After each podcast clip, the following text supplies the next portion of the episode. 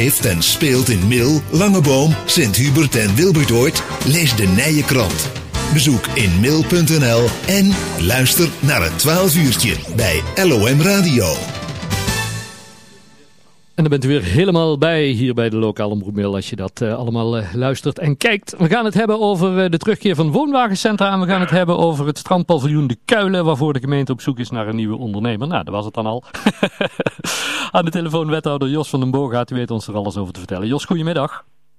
Goedemiddag, Corné. Want ja, het, het, woonwagencentrum komt, komt terug naar, naar de Mergen. Ja, ja, dat klopt. Ja, want, want vertel eens, een, een aantal jaren geleden toen uh, werd het uh, ja, afge, afge, afgebroken, uh, ontruimd, hoe we het ook moeten, moeten noemen. Waarom was dat destijds? Ehm, nou, er is eigenlijk een hele geschiedenis aan vooraf gegaan. En dat begint eigenlijk al in 1999 toen het, de Rijksoverheid de woonwagenwet heeft ingetrokken. Mm -hmm. Die wet die, was destijds ooit ingevoerd, jaren daarvoor weer, om ja, niet van die grote woonwagencentra te krijgen, maar meer verdeeld over het land uh, kleinere locaties te, te realiseren. Mm -hmm. En die wet, dus de gemeenten verplicht werden om daar aan mee te doen, die wet die is in, uh, twee, in 1999 ingetrokken. En sindsdien hebben eigenlijk een heleboel gemeenten in Nederland, waaronder Middellands natuurlijk ook, op enig moment gezegd van ja, uh, laten we eens kijken wat de mensen die daar wonen nou eigenlijk willen. Um, en nou, daar zijn toen een aantal uh, bewoners ingegaan op de mogelijkheid om te verhuizen naar een reguliere huurwoning van Mooiland. Mm -hmm.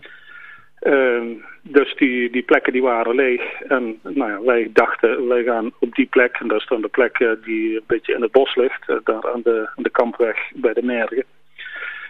die gaan wij in een bestemmingsplan opnemen om reguliere woningen te kunnen realiseren. Mm. En dat bestemmingsplan, daar is uh, eerst uh, bezwaar en daarna beroep tegen ingesteld tegen dat onderdeel van het woonwagencentrum.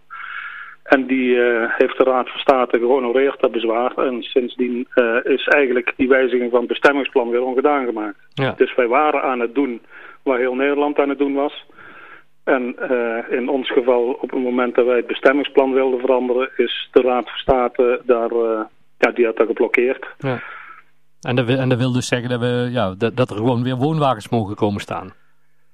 Nou, dat betekent dat die bestemming, wij wilden die veranderen naar reguliere woningen. Die bestemming die mochten we niet veranderen. En het argument van de Raad van State was dat wij geen wachtlijst hadden waarmee we konden aantonen uh, dat er geen uh, behoefte was. Hm. dus als, als mensen niet kunnen inschrijven op een wachtlijst, dan kan je ook moeilijk aantonen dat mensen geen behoefte hebben om uh, in een woonwagen te wonen. En wij zeiden van ja, er is geen behoefte aan wonen in een woonwagen, want bij ons heeft niemand zich gemeld en in de omliggende gemeente ook niet. Daar zijn ook overal plekken leeg. Dus nee. uh, conclusie, er is geen behoefte.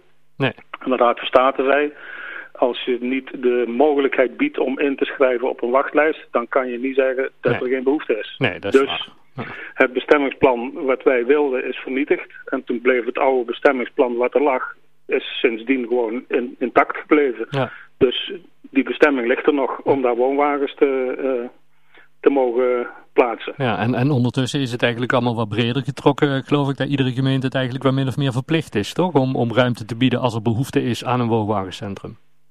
Ja, dat, dat, is het andere deel, hè, want uh, sinds de, die, die woonwagenwet is ingetrokken en er her en der in Nederland, of op, eigenlijk de meeste gemeenten in Nederland, dus een soort uitsterfbeleid zijn gaan hanteren, dus afbouwen. Hm. Sindsdien is er een uh, uitspraak geweest van het Europese Hof voor de Rechten van de Mens. Die uh, heeft gezegd in haar uitspraak van de cultuur van het wonen in een woonwagen, die moet gerespecteerd worden. Dus als mensen die daar willen, daar niet de gelegenheid voor krijgen. Die wel behoren tot de woonwagencultuur. Die dus van, van generatie op generatie in een woonwagen gewoond hebben. Hm. Die mensen die zouden worden gediscrimineerd op het moment dat je die niet de mogelijkheid biedt om in een woonwagen te wonen. Nou, dat was uh, een uitspraak die geldt voor heel Europa. Vervolgens heeft in Nederland de nationale ombudsman dan nog een keer een, uh, een flink stuk tekst aangeweid om te zorgen dat die discriminatie opgegeven moest worden. En ook de Nederlandse Commissie voor de Rechten van de Mens hm. heeft daar nog een keer een uitspraak over gedaan. En vervolgens heeft het ministerie van Binnenlandse Zaken en Koninkrijksrelaties, die heeft in juli 2018 een, een boekje naar alle gemeenten toegestuurd met daarin zoals zij zagen dat het nieuwe beleid vorm moest krijgen. Dus vanuit het ministerie hebben we eigenlijk de opdracht om weer beleid te maken. Um, en nou, nou begrepen dat we dus aan de Mergen weer zes woonwagens mogen plaatsen als er behoefte is. Als er, als er mensen willen wonen. Ja. ja. En, en weten wij, we... hebben, wij, wij, hebben sinds de, die uh, uitspraak van de Raad van State, dat was op het bestemmingsplan. En wij dus geen lijst hadden waarmee we konden aantonen dat er geen behoefte was toen, uh, daags na die uitspraak hadden wij natuurlijk uh, een drukke balie in het gemeentehuis. Ja. Want er kwamen van heinde en verre mensen zich inschrijven. Uh, ja, dus wij konden ook nooit meer aantonen dat er geen behoefte was. Dat was ook duidelijk. Ehm, en vervolgens zijn wij in, in Noordoost-Brabant met 17 gemeenten samen gaan kijken van hoe kunnen we hier nou het beste invulling aan geven. Want laten we het alsjeblieft proberen om het overal op dezelfde manier te doen. Hm. En niet de ene gemeente ander beleid dan de andere gemeente, want dan, ja, dat, dat, is, dat is ook ongewenst. En uiteindelijk kom je dan op een, een soort uh, beleidskader waarmee uh, je kan zeggen van wie krijgt de meeste punten en dus als eerste voorrang op een wachtlijst. He, dus je hebt uh, mensen die, die belangstelling hebben en die komen dan op die wachtlijst, maar komen die met veel punten meteen bovenaan of hm. komen die een beetje lager op de, op de ranglijst. Nou, laten we dat allemaal hetzelfde doen. En dan gaan we eerst kijken van hoeveel, wacht, hoeveel wacht, mensen op de wachtlijst komen daar dan in die 17 gemeenten uh, komen daar uit. En waar zouden we die het beste kunnen laten landen? Want het uh, beleidskader van het ministerie zegt, en ook van de Europese Hof voor de Rechten van de Mens, dat zegt eigenlijk, die mensen die zijn gewend en, uh, wonen graag in familieverband. Dus dan moet je ook kijken of dat familieverband aangetoond kan worden. En ja, daar moet je dan ook meer punten aan toekennen op die wachtlijst. Die komen hoger, zeg maar. Maar, ja. maar, maar, maar wanneer hebben we weer woonwagens in, uh, in Mil, in het gunstigste geval? Dat duurt nog wel even, want we moeten de, uh, het systeem met die wachtlijst uh, samenstellen. Daar moet de raad ook nog iets van vinden. En dan vervolgens moeten we van de raad nog budget krijgen om die, uh, die woonwagenplekken, die standplaatsen, om die weer opnieuw in te vullen. Hm. Dus dan moet een, uh, een verharding komen, dan moet een gebouwtje komen, dan moet uh, water en licht naartoe. Gas maar, mag niet meer. Maar, maar in het gunstigste geval, als je dat in moet schatten? Uh, ik gok dan dat dat nog wel een jaar gaat duren. Oké.